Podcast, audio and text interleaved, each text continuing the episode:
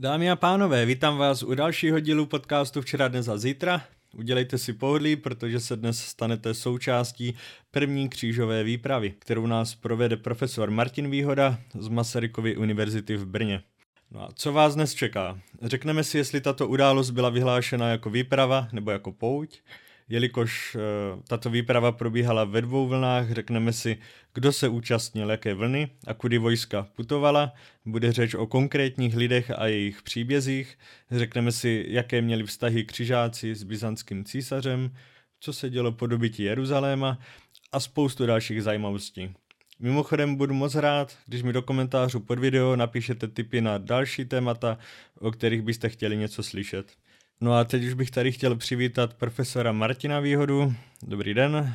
Dobrý den. Jsem moc rád, že jste opět přijal mé pozvání a jelikož dnes budeme mluvit o první křížové výpravě, tak bych se rád zeptal, co to vůbec křížová výprava je a co si pod tímto pojmem můžeme představit.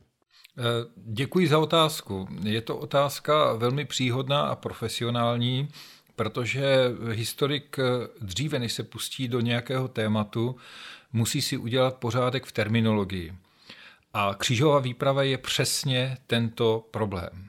Křížové výpravy jsou dnes eh, součástí učebnic dějepisu pro základní i střední školy, jsou běžnou součástí eh, našeho slovníku. Když se řekne křížová výprava, snadno si ji spojíme, ať už eh, s výpravami do Prus nebo s výpravami proti husitům, ale počátky křížového hnutí, křížových výprav jsou podstatně složitější. Křesťanská víra, neboť o tu tady právě jde, zakazovala používání násilí, respektive přesně definovala, kdy se násilí může použít. E, to znamená, že i ve středověku platilo, že zbraň lze vytasit pouze tehdy, pokud bráníme svůj vlastní život, nebo pokud, nebo, nebo pokud bráníme hodnoty křesťanské víry, případně pokud bráníme bratry ve víře, tedy jiné křesťany. Jenom tehdy a pouze tehdy mohla být vytasena zbraň. To byl první problém. Druhý problém spočíval ve skutečnosti, že když křesťanství zapovídalo násilí formálně, pak nemohla být dost dobře vyhlášena nějaká válečná výprava ve jménu Krista, která by měla něco dobývat. Těmto výpravám se zpočátku říkalo jiným termínem, a sice termínem poutě, peregrinatio, protože poutě byly dovoleny a v daném případě, když někdo putoval třeba do Jeruzaléma, který byl v rukou muslimů, no tak se předpokládalo, že asi bude muset být ozbrojen, protože cesta byla daleká, plná nebezpečí a nástrah, no a samotný Jeruzalém byl v rukou někoho jiného než křesťanů samotných. To znamená, že vyhlášení první křížové výpravy se vlastně nekonalo, byla vyhlášena pouť za osvobození a teď je otázka čeho. Protože v roce 1095, ve chvíli, kdy papež Urban II. v Clermontu vyhlášoval první pouť na východ, tak nejspíš ve své řeči vůbec nejmenoval Jeruzalém ani svatou zemi, ale právě akcentoval ve své řeči utrpení křesťanů na východě, měl tím na mysli křesťanů v Byzantské říši, která se v té době dostala pod tlak selđuckých Turků. Takže kdybych to měl zhrnout, v roce 1095 nebyla vyhlášena výprava, křižácká výprava za osvobození Jeruzaléma. V roce 1095 byla v Clermontu vyhlášena pouť na pomoc spolubratřím ve víře kteří žili v byzantské říši. Vy používáte pojem pouť. Když si řekne pouť, tak se mi vybaví ehm, lidé, nějací, řekněme, neozbrojení lidé, kteří putují na nějaká svatá místa. Takže dá se říct, že se této výpravy neúčastnili vojáci? Nebo jak to teda bylo? Uh, ano, to byl velký problém a uh, zase máme tady, narážíme tady na jeden zásadní problém. E, na straně jedné docela určitě víme, že u zrodu celého hnutí, vlastně něčeho, čemu dnes říkáme křížové výpravy do svaté země, e, stála skutečně řeč papeže Urbana, kterou proslovil v Clermontu. My tuto řeč máme dochovánu ve čtyřech různých verzích, tři z těch verzí uvádějí jako cíl pouti Jeruzalém. Pouze jedna jediná řeč kronice Fulcheras Charter neuvádí Jeruzalém jako hlavní cíl pouti, ale uvádí tam právě utrpení křesťanů na východě. Z věcných souvislostí, tedy z průběhu přímo první křížové výpravy, takzvané první křížové výpravy, ovšem víme, že ona skutečně měla směřovat na pomoc Byzanci. Ale v průběhu cesty vlastně již lidé, kteří slyšeli Urbanovu řeč, respektive ta zpráva kolovalo od úst k ústům, tedy bylo to jakési ústní podání, tak najednou se z východu stal Jeruzalém, protože symbolem východu pro každého věřícího člověka ve středověku byl Jeruzalém. S tím rozdílem, že kostely, když byly obráceny k východu nebo mají oltáře k východu, tak to znamená, že se lidé modlili směrem k východu, modlili se směrem k Jeruzalému, ale v církvi, nebo respektive v tehdejším učení, to znamenalo nebeský Jeruzalém, ten posmrtný Jeruzalém, takže došlo vlastně k nepochopení Urbanovy řeči, kdy tuto řeč si řada současníků, zejména těch méně vzdělaných nebo nevzdělaných lidí z venkova, si vyložili, že jsou vyzváni k pouti do nebeského Jeruzaléma, že jsou vyzváni k pouti, která ukončí jejich trápení na tomto světě, že si je Kristus volá k sobě, protože papež Urban ve své řeči skutečně řekl nebo, nebo měl prohlásit, že ti, kdo dosud trpěli, kdo se dosud utápěli v žalu, v bolestech, eh, byli chudí, byli bezmocní, nyní ve chvíli, kdy se ozdobí znamením kříže a vydají se na pochod na východ, že budou spaseni. Dokonce v té řeči mělo zaznít cosi, že se jim odpouští i hříchy, které se měli dopustit během té cesty. Toto všechno ale byly pouze interpretace této řeči, interpretace krajně nepřesné, proti kterým samotný papež protestoval, že řekl, že toto nikdy neřekl ani nemohl říct, ale už bylo pozdě. To hnutí, respektive jeho řeč, měla obrovský ohlas. Eh, řeč, či spíše významy, které byly té řeči přikládány, to mělo obrovský ohlas, takže se stovky a stovky lidí z celé západní Evropy, zejména z Francie, částečně tedy z Itálie, vydali na pochod na východ s tím, že tyto houfy měli jasno. Oni nejdou někam do Byzance, nejdou do Konstantinopole, nejdou pomáhat císaři Alexiovi Komnenovi. Jdou osvobozovat Jeruzalém. Jdou osvobozovat Jeruzalém, což byla sama o sobě vlastně docela zajímavá záležitost, protože Jeruzalém v roce 1095 už byl více než 400 letí v rukou muslimů. Takže tady vlastně došlo k prolnutí několika rovin, roviny symbolické, roviny víry, věroučné, s dobovou realitou. Ty dvě roviny se protěly v takovém jedinečném, tak, tak jedinečným způsobem, že z toho vznikla celá myšlenka, která ovlivnila a nasměrovala ty houfy směrem k Jeruzalému. A přestože papež Urban se tomu snažil zabránit a snažil se tomu i zabránit samotný císař Alexios Komnenos, tak už bylo pozdě a s tou lidovou náladou, nebo s tou, s tou ani nesnad hysterií, ale prostě s, s tehdejším obrovským nadšením, které tato řeč vyvolala, prostě už nikdo nedokázal nic udělat. V tom případě by mě zajímalo, proč vůbec papež nějakou pouť vyhlašoval a No a co bylo jejím, co bylo jejím cílem nebo úkolem? Po případě pro koho byla ta řeč určena, koho se snažil oslovit? Tady se musíme vrátit eh, do eh, roku 1071, kdy v bitvě u Mancikartu závažným způsobem prohrál byzantský císař Roman IV. Diogenes. V Byzanci vypukly nepokoje kterých využili selđučtí Turci a obsadili značnou část eh, maloazijských držav, zhruba dnešní Turecko, eh, tehdejší byzantské říše. Když se dostal k moci císař Alexios Komnenos a když konsolidoval svoji moc, tak zjistil, že vlastně turecký vliv sahá až bezmál k Marmarskému moři, tedy k branám Konstantinopole. A protože byzantská armáda byla zdecimována dlouhou válkou a těmito nepokoji, rozhodl se, že požádá o pomoc své spojence na západě, protože věděl z jejich úst, zejména z úst hraběte Roberta Flanderského, že v západní Evropě je zvláštní sociální vrstva, kterou Byzanc neměla, a sice rytíři. A ještě těch rytířů, ku příkladu v Normandii, ve Flandrech nebo v Jižní Francii, je poměrně hodně, že jsou výborně vycvičeni v boji, ale často jim chybí majetek a že by tedy se nechali za určitou zajímavou sumu najmout. A tyto lidi potřeboval Alexios Komnenos oslovit. Jenomže na koho se obrátit? Západní Evropa byla rozdělena do různých království, knížectví, mocenských okruhů. Jsme v době války nebo boje o investituru, tedy sporu mezi císařem a papežem.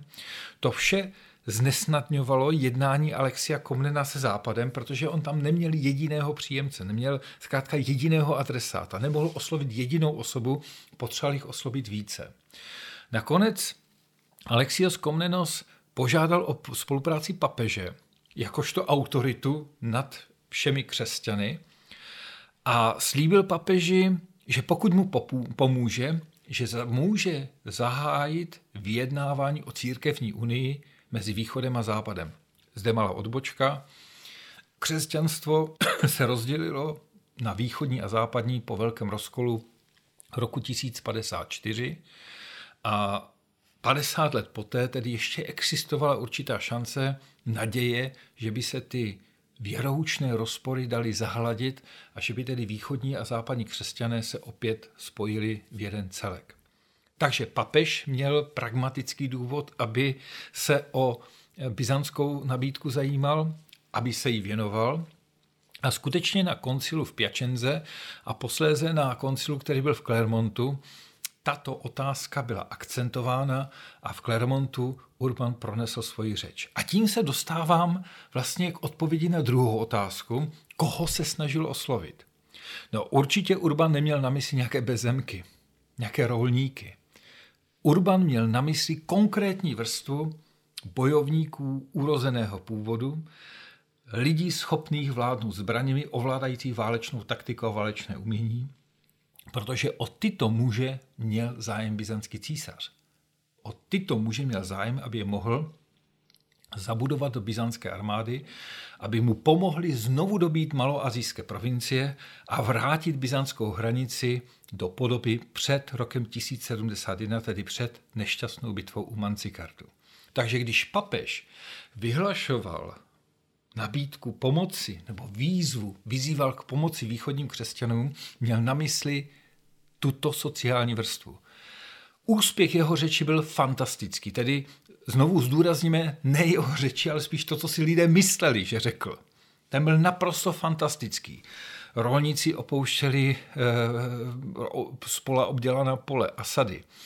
E, dokonce faráři nebo kněží prchali ze svých farností. Dokonce víme, že v Jižní Francii museli biskupové vybudovat zvláštní oddíly, které tyto kněze hledali a přiváděli zpátky do jejich farnosti, protože prostě najednou nebylo v kostelích, nebylo kněží, kteří by tam mohli sloužit bohoslužby. Bylo to něco neuvěřitelného. Zkrátka, Urban víceméně intuitivně nebo bezděčně naťukl cosi v, v lidovém podvědomí a, a lidé na to reagovali. Eh, toto ale mělo také svoji stinnou stránku, protože často to byli chudáci, kteří neměli vůbec nic. Chudina, která prostě opouštěla města tehdejší a vydávala se na východ, protože věděli, že mají jít na východ. A eh, stalo se, že když ty houfy těchto bezemků, eh, často vedených různými potulnými kněžími nebo rytíři, bez, bez majetku naprosto. Jeden z těch vůdců se měl jmenovat Walter Bezemek, to už samo o sobě eh, Bezemek vypovídá, že to tedy opravdu nebyl nějaký bohatý člověk. Tak když se dostali do Poríní, do Pomohaní, tak tam žili silné, bohaté židovské komunity. No a tyto houfy najednou zjistili, že přišli k velkému výstavnému městu, když přišli k Wormsu nebo, nebo k Mohuči nebo ke Špíru, tam stojí obrovské kostely stály v té době, tak si mysleli, že to už je ten Jeruzalém a když zjistili, že tam žijí židé, tak vzali to město útokem. A stala se zase paradoxní situace, že své židy chránili místní biskupové, nebo místní veličiny, protože měli vlastně židy na starost. Oni jim nabízeli, poskytovali ochranu. Ochranu, židé nesměli nosit zbraně, ale za to byli pod ochranou biskupa nebo, nebo krále či císaře, ale za to samozřejmě platili vysoké daně. No a došlo k příšerným pogromům, k vraždění těchto židovských get, což mimochodem eh, posléze zneužila ta část eh, křižáků nebo těch poutníků do svaté země, které měl Urban na mysli, to je z těch urozených, kteří se vydávali na cestu na východ s mírným spožděním. A ku příkladu víme, že Baudouin z Flander eh, a jeho, syn Gode, jeho, jeho bratr Godefroy Eh, když odcházeli na východ, tak cestou rozeslali na ta místa, kde se chtěli zastavit listy a v těch listech zhruba říkali toto. My jsme přátelé židů a ctíme vás a respektujeme vás, ale v našem průvodu je řada lidí, kteří by vám mohli usilovat o život a majetky. Ale když mi zaplatíte, teď tam byly různé sumy, tak vás necháme být. Mm. A tak se vlastně stalo, že první takzvanou křížovou výpravu do svaté země z výrazné části financovali židé. Židovské komunity, které s tím vlastně vykupovali, vykupovali vlastně e, životy, ale někdy ani to vykoupení nestačilo, tedy to výkupné nestačilo, prostě to slovo bylo porušeno. Nakonec, e, že to byl obecný jev, e, dokládá Kosmova kronika, protože i do Prahy zavítal jeden z těch zmatených houfů ze Saska, který šel. A tam Kosmas přímo píše, že násilím křtili židy v pražském podhradí, a protože kníže nebyl tenkrát v Praze, byl někde, někde mimo, tak eh, nebylo síly v Praze, která by jim v tom zabránila. A pak Kosmas k tomu dodává, no jo, ale sotva ti poutníci odešli, tak se židé ke své zvíře zase vrátili, jako psi se vrací ke svému lejnu, což tady jaksi eh, nezní příliš hezky a zase to prozrazuje, co si Kosmas o židech a židovské víře myslel. Zkrátka chci tím říci, že Urbanová řeč měla nezamýšlený účinek, že vlastně oslovil úplně někoho jiného, než, než Urban zamýšlel a najednou si s tím předvojem, s tou výpravou chudiny, nikdo dohromady nevěděl rady. A oni jako první také dorazili do Byzance, překročili hranice, protože neměli peníze, aby si kupovali jídlo od místních, tak začali jim brát to jídlo násilím, což vedlo k potičkám mezi, mezi jízdními oddíly byzantské armády a těmito chudáky, kteří byli zmatení a prostě šli na východ. Dorazili do Konstantinopole, kde je Alexios Komnen, když zjistil, že, že jsou nepoužitelní pro jeho armádu, tak je rychle přeplavil přes Marmarské moře na maloazijský břeh, kde je umístil do opuštěné pevnosti Kibotos a tam jim řekla, že jsou sticha a na sebe neupozorňují. No, bohužel stalo se to, že tito nedisciplinovaní poutníci, oni opravdu nebyli vojáci, válečníci, přepadli nějakou blízkou pevnost tureckou, zmocnili se tam určitého majetku, určité kořisti a byli tak nadšení z toho, že začali podnikat výpady do většího okolí, byli samozřejmě Turky zaskočeni, zničeni naprosto a ti, kteří nebyli pobyti na místě, tak byli prodáni do otroctví a tím vlastně končí toto nedorozumění nebo to špatně pochopené, ale ta myšlenka, že se jde o svobodu za Jeruzalém, už byla na stole, už byla na světě a už ji nikdo nedokázal vrátit zpátky. Takže pokud to chápu správně, tak eh, celé tohle putování probíhalo jenom mm, po souši, což podle mě musí být třeba mm, přes 2000 kilometrů a celou tu dobu se tyto houfy živily jenom z toho, co kde ukradli nebo co si kde zajistili. No a měli také nějaké svoje vůdce, kteří se starali ať už například o navigaci nebo o potraviny a tak dále? Eh, těžko na tuto otázku odpovědět. Víme, že i tyto lidové houfy měly své vůdce. Eh, byl tam údajně proslulý kazatel Petr, který po způsobu Kristovi jezdil na oslu a, a, a snažil se mu jaksi podobat. Byl tam onen zmíněný rytíř Walter, zvaný Bezzemek. Za Saska víme, že ten houf vedl kněz Folkmar, eh, čili jakcí si vůdcové tam byli. Byli to spíše neformální vůdcové, eh, kteří ovládali dav. A víme, že, že ty skupinky my totiž nedokážeme přesně určit, jak moc byly početné. Eh, kroniky uvádějí, že jich byly desítky tisíc, což je nesmysl, to prostě nebylo dost dobře možné. Ale určitě se jednalo o stovky lidí, často to byli nejen muži, ale také ženy a děti. a obecně lze těžko jenom odhadovat, kolik těch, těch, těch, těch prostých poutníků bylo v té první vlně. E, určitě šli pěšky, víme dokonce kudy, drželi se staré vlastně římské silnice, která vedla podél Dunaje, pak překročili hranice Uher, přes Uhry se dostali na byzantskou hranici na Dunaji a pak vlastně sputovali už těmi pozdně e, antickými stezkami a cestami až do Konstantinopole, tam je ten směr jasný. Ehm, jiným způsobem nebo podstatně pestřejším způsobem putovala ta urozenější část eh, takzvané první křížové výpravy. Vy jste Ty... zmínil, že ta první výprava nedopadla, tak jsem si právě říkal, do teda ten ano. Eh, Jeruzalém dobil. E, ta rytířská část, ta, kterou Alexios Komnenos očekával v Konstantinopoli, se skládala z několika částí. Tedy respektive eh, byli tam lidé, rytíři, kteří přišli z Francie, z Normandie, z Flander, z Provencálska, tedy z jižní Francie dnešní, a z jižní Itálie.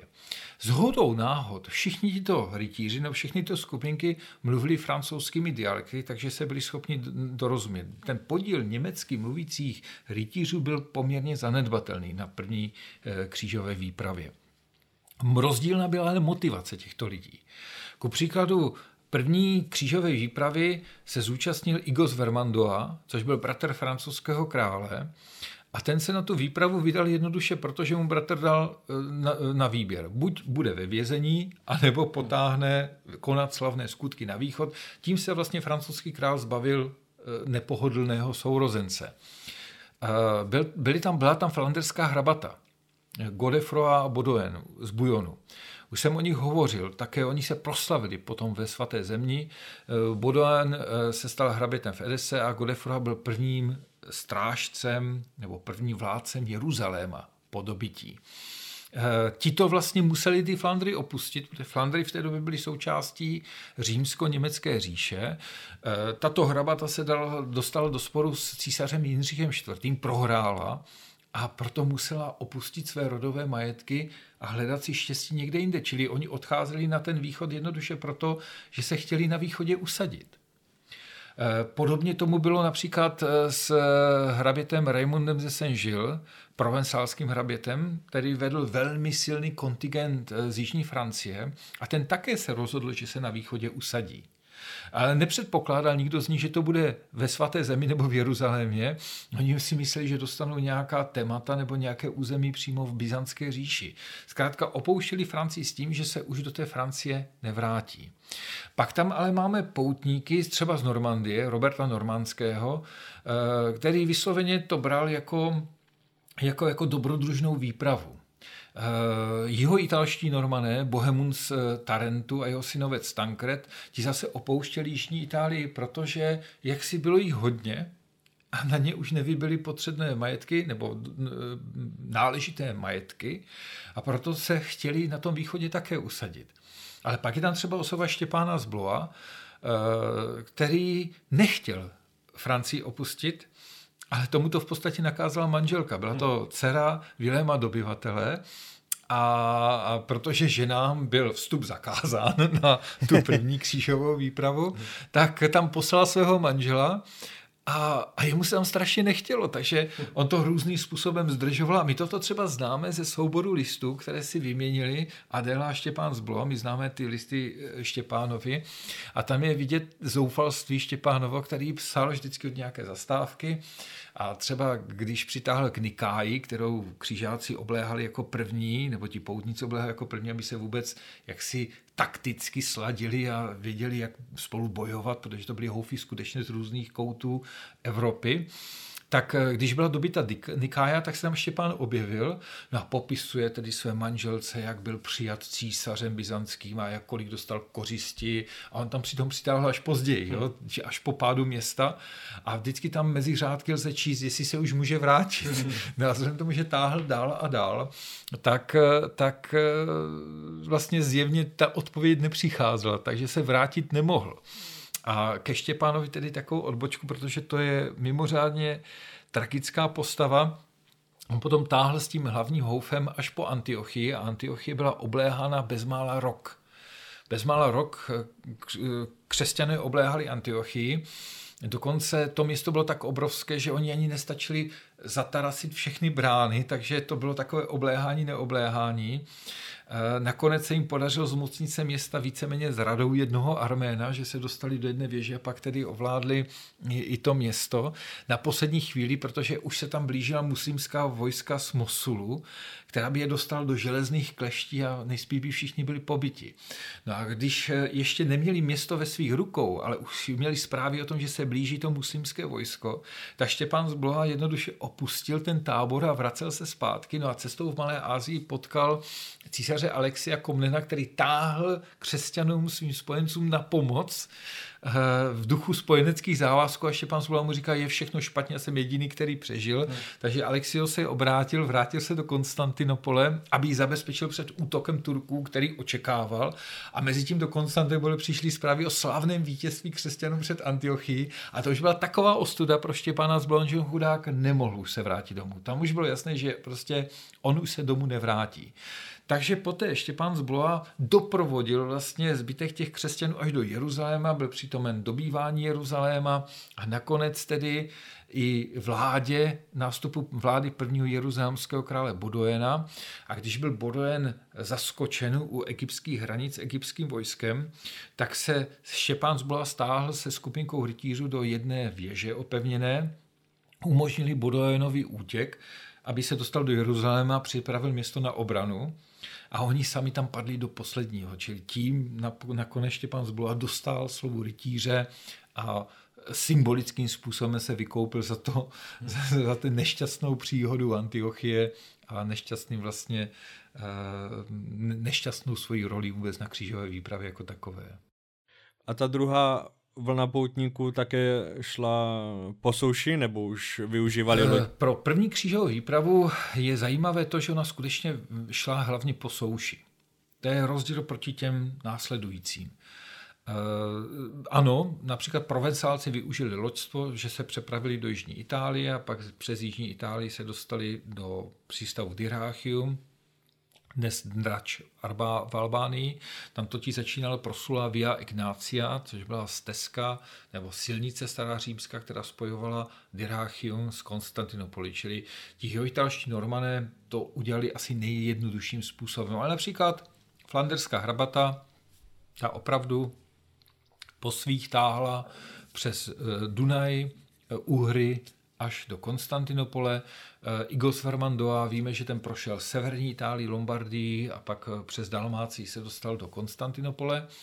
Postupně ti rytíři přicházeli do Konstantinopole, postupně to je velmi důležité, čehož Alexios Komnenos využil, a nejenže hostil, tedy opravdu se ukázal být mimořádně štědrým hostitelem a snažil se oslnit nově příchozí svým bohatstvím, ale hlavně Alexios Komnenos totiž potřeboval vyřešit svůj vztah k těm rytířům. Totiž proč by ti rytíři pro něj měli bojovat. A tady Alexios Komnenos, to je zase nádherný příběh, se snažil do, do, do toho jednání vložit nebo využít zkušenosti ze západu. Totiž na západě byl docela běžný v té době již v té vyspělé západní Evropě takzvaný lení institut neboli léno. Že za slib věrnosti skládal leník do, nebo vazal do rukou seniora a pak mu sloužil.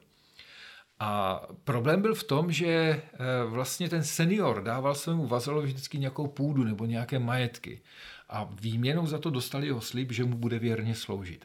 Alexios Komnenos vymyslel pro křižáky obdobný slib, kterému se říkal Lysion nebo Lysios, to, se, v tom se ozývá to slovo leasing, že? Hmm.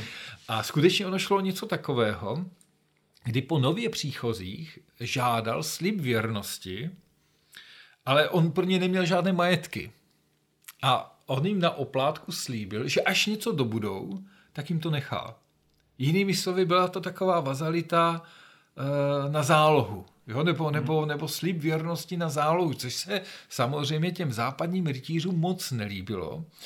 A tam se už velmi pěkně a velmi precizně ukázalo, kteří přišli na východ, aby se tam usadili a vytvořili si tam své vlastní domény, své, vlastní hrabství, království a kteří tam přišli opravdu pomoci.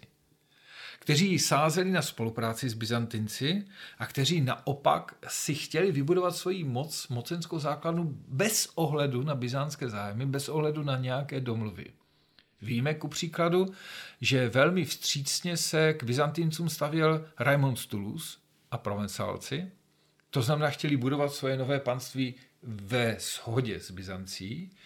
Problém s, se slibem věrnosti neměl ani Igo z Vermandova, případně Robert Normandský, protože ti se chtěli vrátit. To znamená, oni si řekli, tady se zabojujeme a pak se vrátíme, pokud možno bohatší.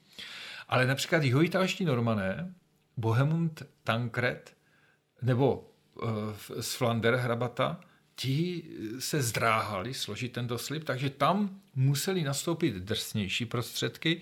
Ku příkladu, že Alexios Komnenos nechal ty křižáky na čas vyhladovět, jo? že jim prostě přestal dodávat potraviny a, a, a nápoje.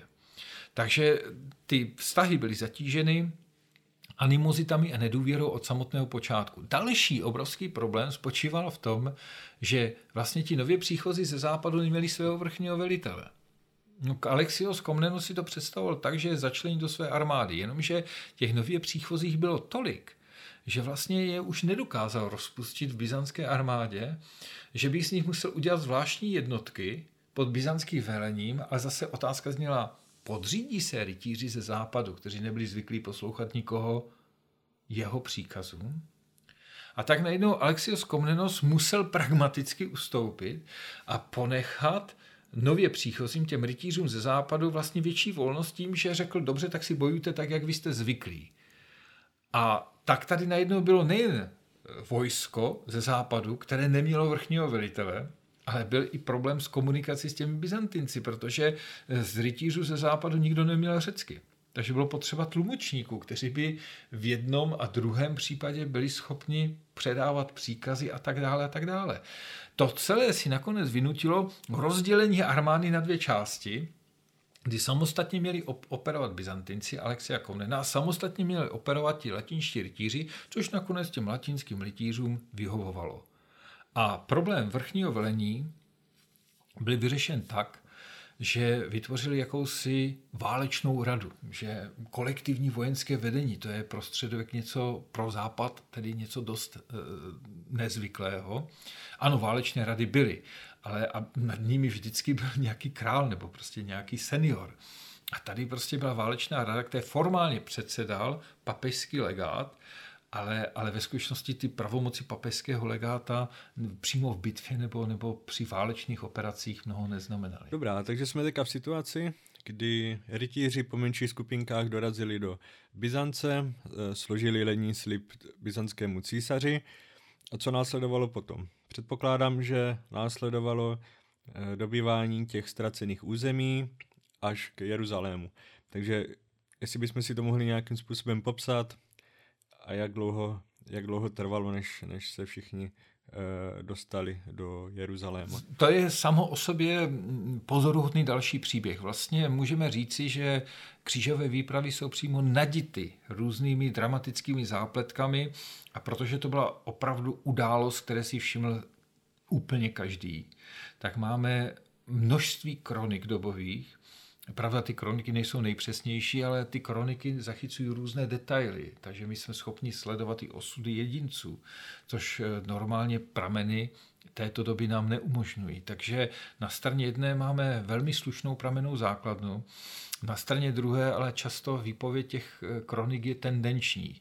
Ať už jsou to kroniky z toho muslimského světa, nebo jsou to kroniky z toho, z toho západního světa. Eh, v každém případě víme, že se rytíři ze západu scházeli v Konstantinopoli dlouho, bezmála rok. Eh, Urbanová řeč zazněla v roce 1095, 1096 se vydávají první houfy na pochod a schází se v Konstantinopoli ještě v roce 97, tam prostě přicházely opožděné nějaké oddíly. Eh, proto bylo nutno, jak jsem již poznamenal, někde si ověřit, jestli vůbec taková armáda bude akční, jestli bude, vůbec obstojí na bitevním poli.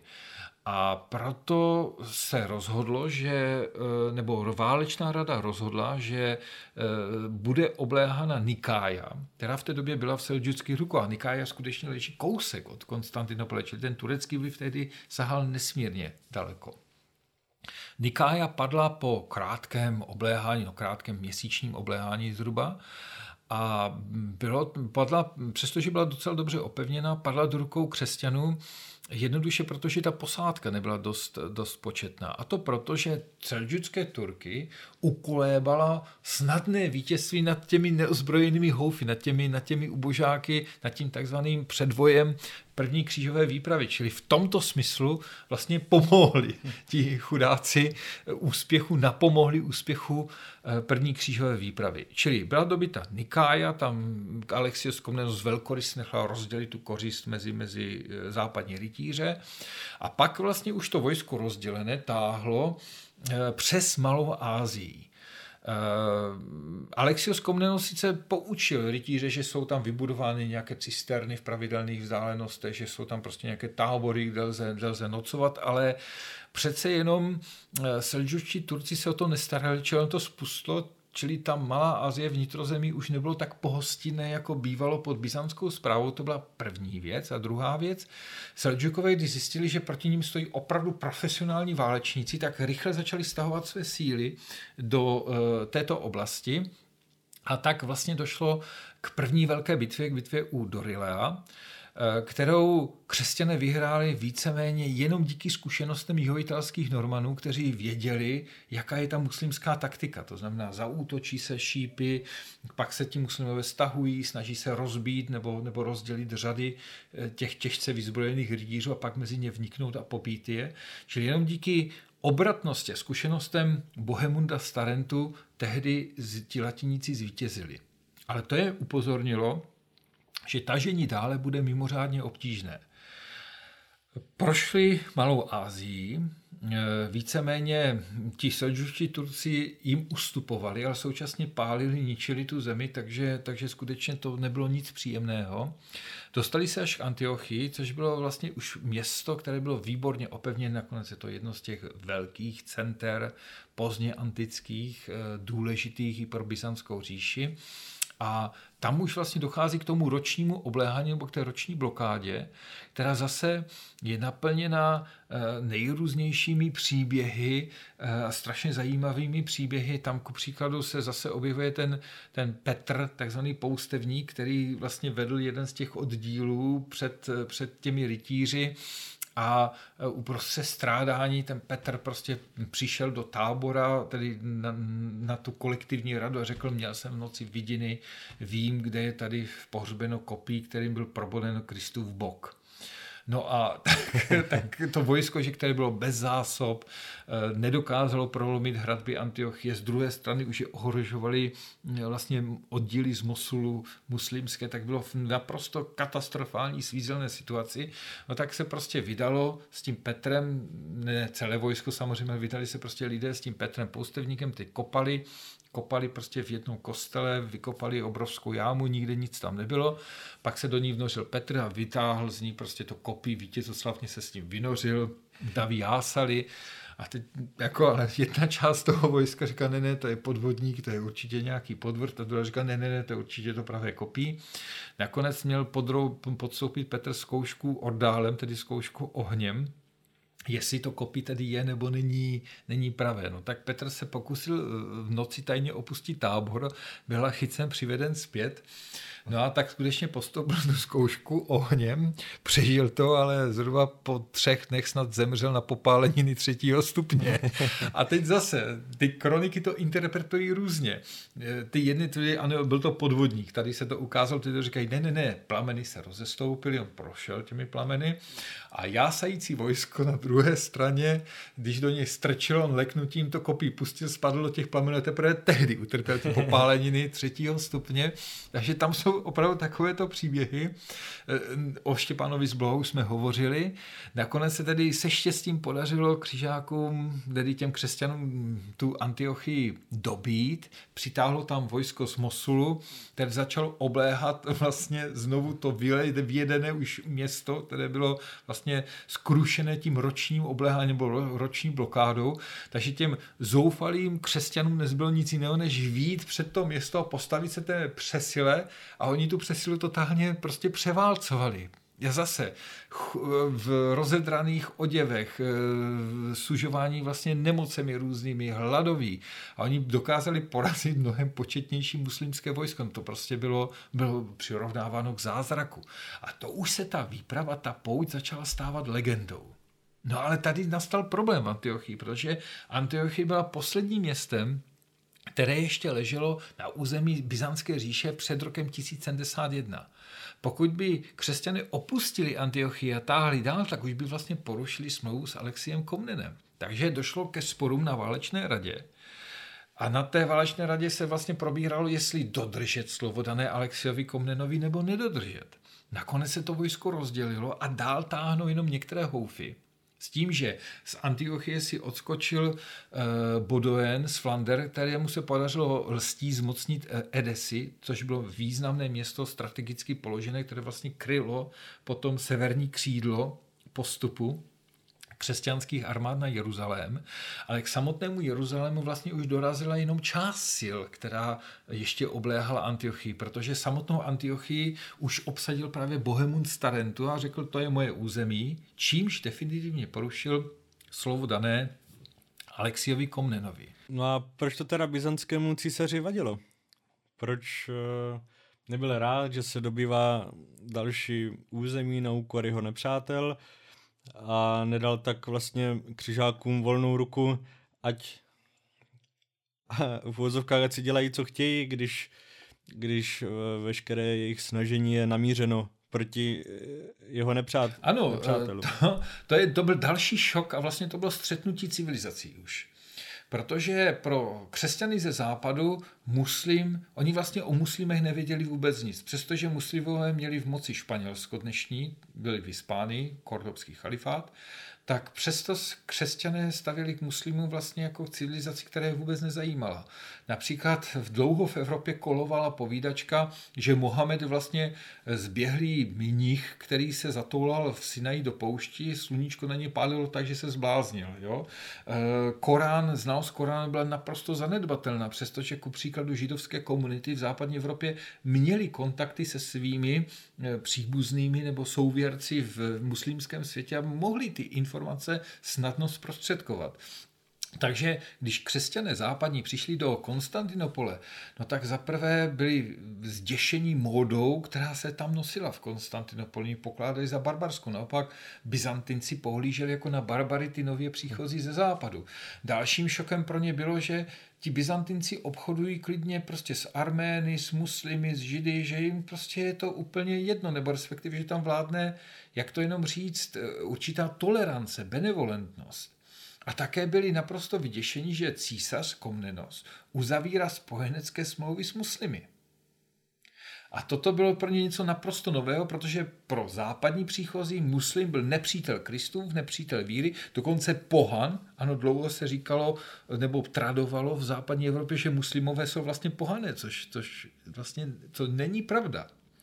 A z tohoto neporozumění a z těch jak to říct, i, i předsudků vlastně vyplynulo, že ti nově příchozí ze západu se chovali na Blízkém východě opravdu jako barbaři nebo jako sloní v porcelánu. Prostě nevím, nenapadá mě teď jiné, jiné přirovnání, ale chovali se tam naprosto nemožným způsobem. Ničemu nerozuměli, nic nechápali, neuměli žádný jazyk, ale ovšem měli jasno. Čili nastala tato situace. No a Alexios Komnenos, který měl uzavřené různé smlouvy takovým tím římským způsobem divide et impera, jo? to znamená s tím uzavřu spojeneckou smlouvu, s tím ne. Hmm. A to znamená, že nepřítel mého nepřítele je mým přítelem. Jo, to byla byzantská diplomacie, velmi obratná, velmi kultivovaná, znalá těchto poměrů. No takže Alexios Komnenos měl samozřejmě hrůzu, z toho, co se stane, když se ty pořádky naruší. On měl opravdu zájem jenom obnovit tu byzantskou hranici tak, jak byla v tom roce 1071, protože na to měl právo a tím by obnovil status quo, který vlastně tam pánoval po staletí. Nyní tady přišla nová síla, která se chovala nevypočítatelně. Nevypočítatelně nejen ve vztahu k muslimům, ale i nevypočítatelně ve vztahu k byzantskému císaři. Nakonec, když potom eh, křesťané se rozdělili, a jedna jejich část začala dobývat ty emiráty na pobřeží středozemního moře a postupovali směrem k Jeruzalému. Ono to pořád bylo ještě nějakých 900 kilometrů z Antiochie do Jeruzaléma tak, tak se vlastně dotazovali z Egypta, ze Sýrie, jestli ti nově příchozí jsou spojenci byzantského císaře. A Alexios Komnenos musel podle pravdy říci, že nejsou, protože oni porušili Lizion, protože oni vlastně překročili tu starou říjskou hranici a bojovat se mělo jenom po starou říjskou hranici, nedále. No a jeden z těch dopisů se dostal do rukou těch západních křesťanů, kteří když si to přečetli, nebo když jim byl vyložen obsah toho dopisu, tak to chápali jako zradu. Jak je může křesťané, kterým oni přišli na pomoc, jak je mohou takto zradit, jak se mohou paktovat s těmi muslimy. A tak najednou se v rámci ještě první křížové výpravy, tedy ještě před dobytím Jeruzaléma, se na Blízkém východě formuje třetí síla. Kromě Byzance a muslimů, tedy těch ortodoxních křesťanů a muslimů, s tím muslimové byli také rozděleni na šíty a sunity, ale to teď ponechme stranou. Tam najednou přicházejí západní křesťané, latiníci, který muslimovi začali říkat frankové. Termín frank byl vlastně termín pro západního křesťana, ať už byl odkudkoliv. A ti se chovají tak, že opravdu Nikdo nevěděl, co si o nich má myslet a hlavně, jak s nimi se dá bojovat. A proto i poměrně malé oddíly, ale dobře vyzbrojené, že to je ten, ta taktika spočívala v tom, rychle se rozjeda ta hromada železa, dlouhá kopíže, dlouhé meče, obrovské štíty, rozrazili ty řady, pak porubali těmi těžkými meči, co se jenom dalo. A proti tomu lehká muslimská jízda, že, která byla založena na manévru a, a lehký šavle, lehké šavle to prostě nemohlo odolat samozřejmě tomuto náporu. A tím se vysvětluje ten neuvěřitelný, neskutečný úspěch první výpravy, který se už nikdy potom neopakoval. Protože prostě ti muslimové zjistili, že musí změnit taktiku. A začali používat jinou taktiku a proto ani pomocné výpravy, které následovaly po roce 1099 po dobytí Jeruzaléma, ani druhá pouť do svaté země nebo třetí pouť do svaté země už nedosáhly takových úspěchů, přestože byly dobře organizovány, jako ta pouť první, protože ta pouť první prostě všechny zaskočila, jak Byzantince, tak i muslimský svět, tou svojí bezkrupulózností a tím, že najednou ti lidé se chovali úplně jinak podle jiných vzorců a kódu chování, než na jaké byli na Blízkém východě zvyklí. Pojďme se podívat hmm. ještě na další věc která je spojená s obdobím po dobytí Jeruzaléma a to je vznik takzvaných křižáckých států. Hmm, co si pod tím můžeme představit? Uh, už jsme se k tomu dostali v souvislosti s Antiochií. Uh, první, já tomu nerad říkám stát, protože se státem to mělo společné opravdu pramálo. Badujen z Bujonu obsadil Edesu. A to proto, že v Edese byla silná arménská komunita a těch muslimů tam vlastně byla jenom část a Arméni se rozhodli požádat o ochranu právě západní křesťany a proto je vpustili do města. Tím se vlastně poprvé podařilo křesťanům ze západu obsadit nějaké město, dobře opevněné, strategicky položené a tím vlastně blokovali všechny potom útoky muslimů, které směřovaly třeba z Mezopotámie směrem eh, proti křídlu postupujících křesťanských vojsk. Eh, ta posádka v Edese sama o sobě byla malinkatá, to snad bylo zprvu jenom 60 nějakých rytířů, čili opravdu to nebylo nic moc početného, nicméně hrabství Edesa svůj úkol splnil, tak jako první zaniká.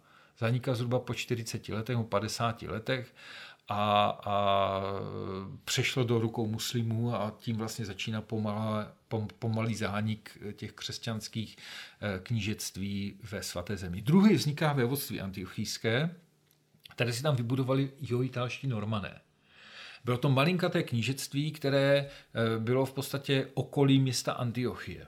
Antiochie byl jediným velkým místem, pak tam byly hrady různé a nějaké malinkatá městečka, ale zase to bylo malé území, které ale bylo výborně situováno tím, že na jedné straně sousedilo s Armény.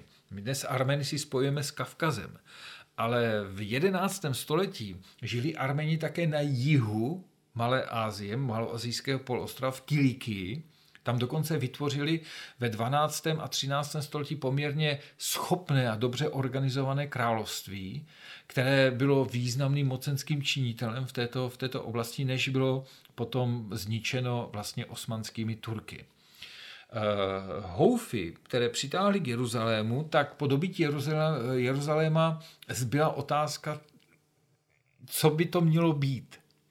Samotný Godefroy z Bujonu odmítl přijmout královskou korunu, protože měl říci, že nevkročí do města, kde byl korunovan Ježíš Kristus. Proto on sám přijal pro sebe titul advokátu Sancti Sepulchri, neboli obránce nebo obhájce božího hrobu. Teprve jeho bratr Bodoen po smrti Godefroově, který se stal v roce 1100 tak přijíma korunu jeruzalémských králů, ale takovým způsobem, že se vlastně nechal korunovat mimo Jeruzalém, aby tím vlastně nespochybnil Kristův primát nebo, nebo vlastně to Kristovo postavení symbolicko-sakrální, které v Jeruzalémě Kristus samozřejmě měl. Tím vzniká, nebo je založena dynastie jeruzalémských králů, která v podstatě vládne v Jeruzalémě až do nešťastné bitvy u Horn Hittin, Hattinských rohů z roku 1187, kdy eh, Guy eh, poslední jeruzalémský král sídlící v Jeruzalémě, eh, byl poražen eh, Saladinem, Saluchadinem. Možná znáte ten film Království nebeské, ano. tak to je přesně tedy tato epizod, tato zápletka. Samotný film, prosím vás, má ale s realitou společného jenom pramálu.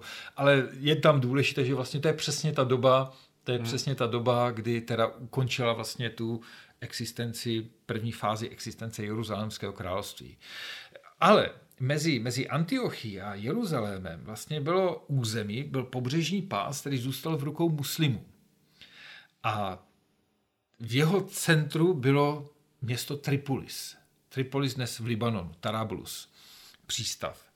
A o tento přístav byl sveden ještě dlouhý boj a dlouhé obléhání. Nakonec se ho provencálcům podařilo dobít a tak vzniká hrabství Tripolis jako poslední, čtvrté z těch knížectví, čili první hrabství Edesa, druhé vévodství Antiochie, třetí království Jeruzalémské, čtvrté hrabství Tripolis, které v podstatě propojilo území, které se táhlo zhruba od Akapského zálivu, to je dnes v Rudém moři, vlastně tak nějak Izrael tam sahá zhruba do, do, do toho místa, přes pobřeží středozemního moře až po Edesu, což byl pás dlouhý nějakých 1000-1200 kilometrů a toto bylo v rukou západních křesťanů. E, tyto takzvané státy, mm, útvary ve svaté zemi však byly velmi křehké, protože třeba po dobytí Jeruzaléma většina těch křesťanů odešla domů. Odcházeli jako hrdinové. Vraceli se domů jako hrdinové. Strávili na neskutečných cestách vlastně pět let. Eh, setkali se s neuvěřitelnými zeměmi, zvyklostmi, národy, prožili neuvěřitelné dobrodružství, to je skoro jako z pohádek tisíce a jedné noci tady toto, prostě vraceli se domů.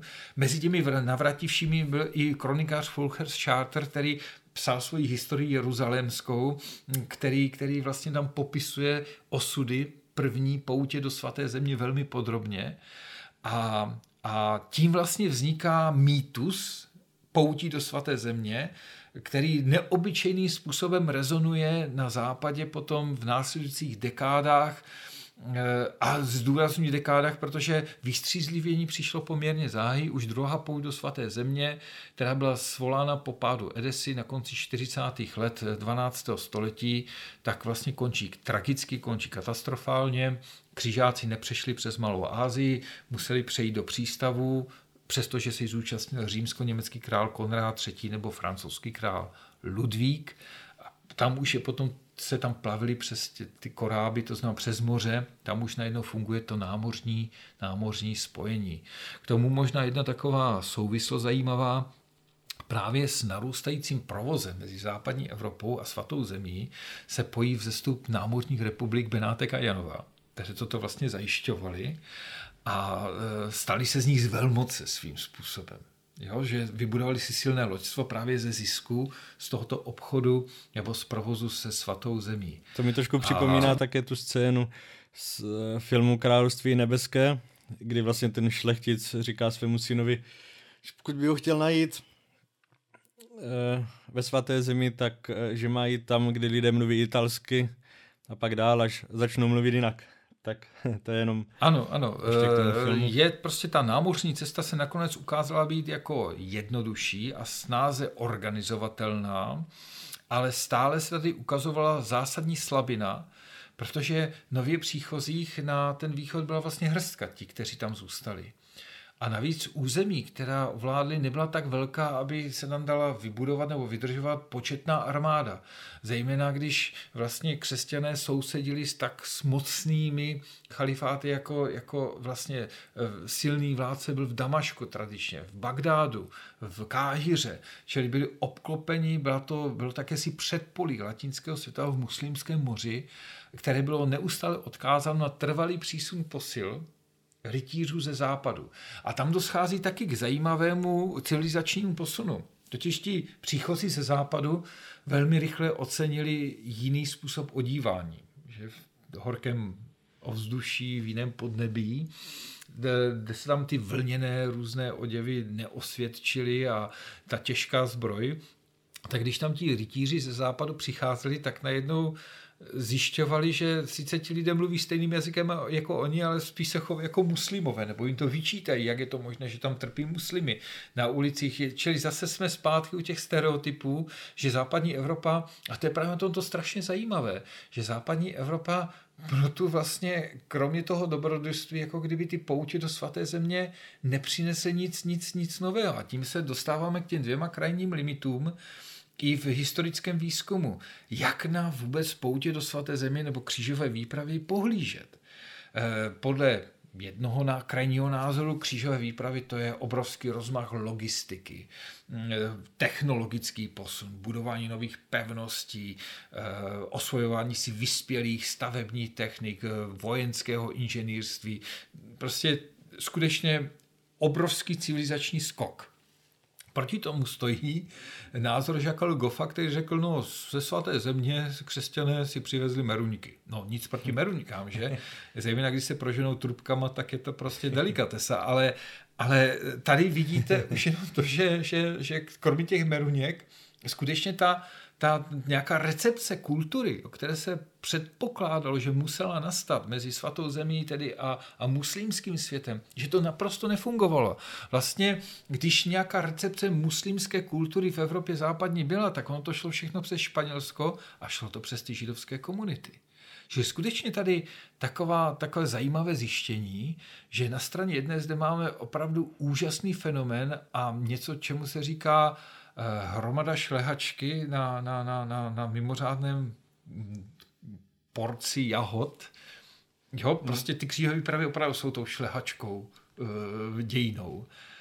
A na straně druhé, kromě těch dobrodružných příběhů, napínavých příběhů, eh, prostě je ten věcný přínos, nad kterým váháme, jak ji definovat.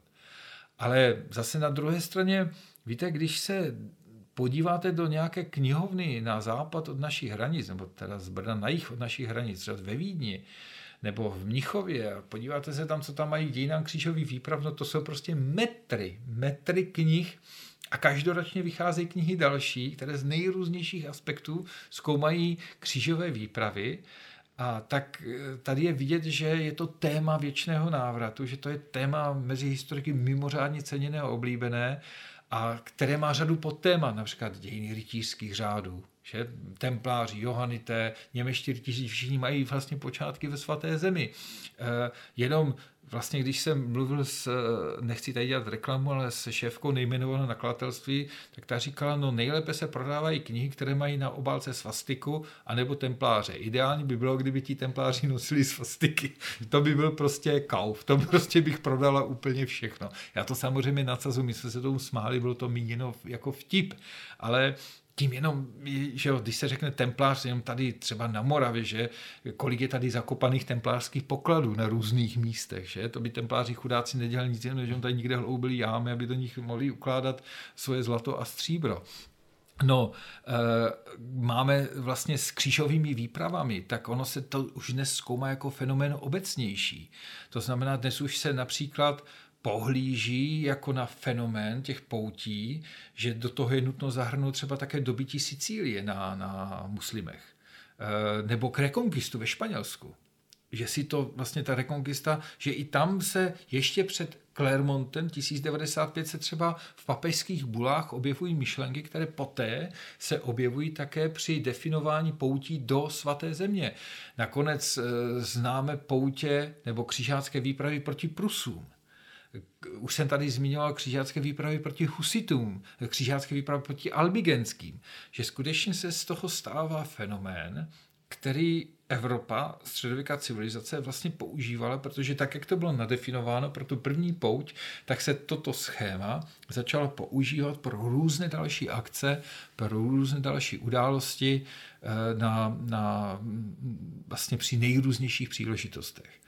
A k tomu vlastně nutno říci, že ono i ten termín křižák nebo křížová výprava se vlastně, ono to zobecnilo, vstoupilo to do jazyka a bylo to instrumentalizováno a tematizováno třeba i americkou historiografii za druhé světové války. Super, to byl profesor Martin Výhoda z Masarykovy univerzity v Brně, kterému děkuji, že opět přijal mé pozvání a vám bych chtěl připomenout, že jsme spolu již udělali jeden díl o morové pandemii ve 14. století a určitě vám doporučuji si ho poslechnout. Každopádně vám moc krát děkuji, že jste nás doposlouchali až do úplného konce a naslyšenou u dalšího dílu.